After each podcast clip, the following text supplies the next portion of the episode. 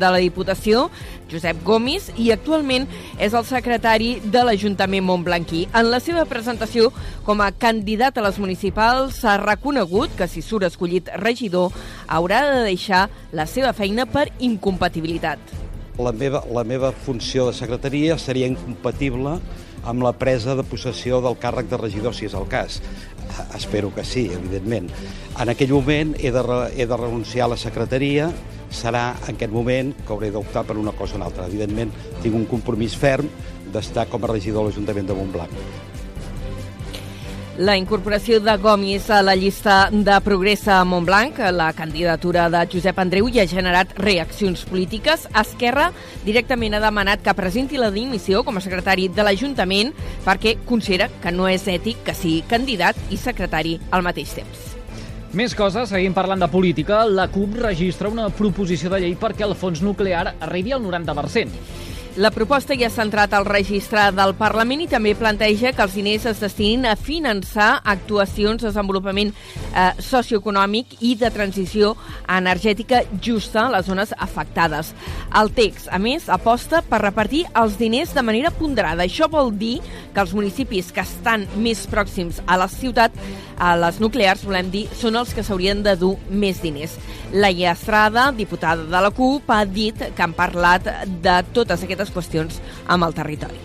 L'hem socialitzat amb el territori, amb un seguit de eh, trobades, amb un seguit de reunions amb els diferents agents de les comarques eh, afectades per aquestes nuclears i que es beneficiarien d'aquests eh, fons. Um, I nosaltres el que hem fet és proposar eh, la, o socialitzar la nostra proposta i sobretot recollir quina és l'opinió del territori i incloure-la en la nostra proposta. Amb aquesta proposta de la CUP, el Fons de Transició Nuclear, que sorgeix dels diners que es recanta dels impostos que paguen les centrals, passaria de 24 milions d'euros als 108. Més coses. En clau de successos, l'acusat de violar una menor en una pizzeria de Flix s'enfronta a 12 anys de presó. És la petició que ha presentat el Ministeri Fiscal i l'acusació particular. La defensa han demanat l'absolució. El judici ha arrencat avui dijous a l'Audiència de Tarragona i de moment s'està fent a porta tancada tancada, ja que s'està reproduint la declaració de la nena que en el moment dels fets només tenia 6 anys. I detingut un home per robar 68 comptadors d'aigua en 9 comunitats de veïns, a Reus. Els Mossos el van arrestar dimarts. Se li atribueixen nou delictes de robatori amb força, nou de danys, un delicte d'estralls. L'home utilitzava el mateix modus operandi en totes les ocasions, accedia a l'interior dels quartets de subministrament d'aigua de les comunitats de veïns i amb una clau anglesa o un tornavis se n'enduia els comptadors, aixetes de coure i material divers. Els Mossos van comprovar que el sospitós hauria venut 22 comptadors d'aigua en una ferrovelleria de Reus. Carrer Major, la proximitat del Camp de Tarragona. I l'Ajuntament de Reus ha posat en marxa l'oficina virtual tributària. D'aquesta manera culmina el projecte de reorganització interna i de transformació digital del Departament d'Hisenda de l'Ajuntament de Reus. De manera senzilla i intuitiva, han informat des del consistori, aquesta oficina virtual tributària permet a la ciutadania conèixer l'estat dels seus impostos, fer tràmits administratius amb la hisenda local, pagar rebuts de manera immediata i gestionar el seu compte tributari. El contracte de subministrament i implantació d'aquest nou portal web eh, va costar eh, 3 milions d'euros per un període de 10 anys i compta amb un finançament de prop de 400.000 euros dels fons Next Generation. El projecte Dinar en companyia de Tarragona reparteix més de 1.600 àpats en la prova pilot.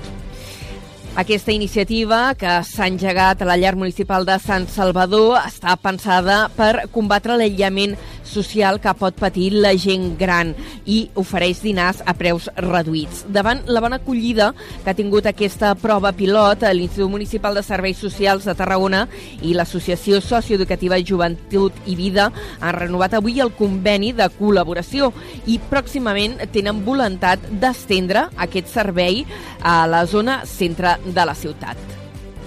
Pero hay una salud más importante, que es la mental, la de que estén cuidados. Yo personalmente pienso que no debería quedarse aquí, si podemos extender, nosotros estamos dispuestos.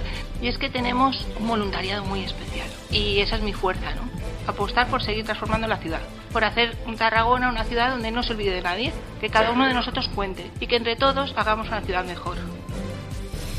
Són les paraules de la representant eh, de l'Associació Joventut i Vida que presta aquest servei. Al llarg d'aquesta prova pilot, una seixantena de persones amb una mitjana d'edat de 74 anys han participat en aquests dinars eh, col·lectius. Actualment una vintena de persones eh, van a dinar en aquest servei que s'ofereix, com dèiem, a Sant Salvador de dilluns a divendres.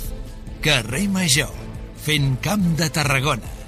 Dit tot això, coneguem quin temps ens espera de cara a les properes hores. Lluís Pérez, sembla que tindrem una tarda força suau malgrat els núvols. Força núvols i encara alguna pluja a les immediates hores, sobretot a les comarques de Tarragona, on ja portem entre 2 i 7 litres per metre quadrat. De moment els núvols molt esquifits i simplement esfilagarçats els que arriben a la Costa Brava i encara amb vent de ponent, vent de garbí, que avui s'està reforçant una altra vegada a la Costa Brava Sud i també en algunes muntanyes de l'interior de Girona, bàsicament entre les comarques del Ripollès i de la Garrotxa. Al llarg d'aquesta tarda s'obriran algunes clarianes, però el temps serà molt traïdor perquè es tornaran a formar nuvolades que deixaran ruixats i algunes tempestes. Apareixeran de cop, vindran des de l'Aragó i escombraran gairebé fins a la costa. En el cas de la Costa Brava, molt poquet, però a l'àrea metropolitana de Barcelona, al Camp de Tarragona, Terres de l'Ebre, també gran part de la Catalunya central, aquests ruixats acabaran caient de forma intermitent, amb alguna tempesta. Cotes de neu al Pirineu al voltant dels 2.200 metres i l'ambient molt suau malgrat els moments de núvols. Demà un temps encara més asserenat, una altra vegada molt ventós, sobretot al sud del país, i amb una temperatura molt confortable. Ho anirem seguint aquí a la xarxa. Moltíssimes gràcies, Lluís Mi. Gràcies també a Anna Plaça per aquesta pinzellada informativa amb el més destacat de la jornada al Camp de Tarragona. Fins després. Fins, fins ara, adeu-siau.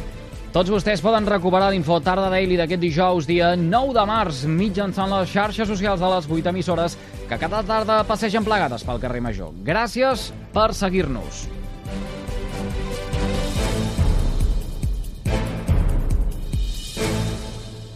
Tot el que passa al Camp de Tarragona t'ho expliquem a Carrer Major.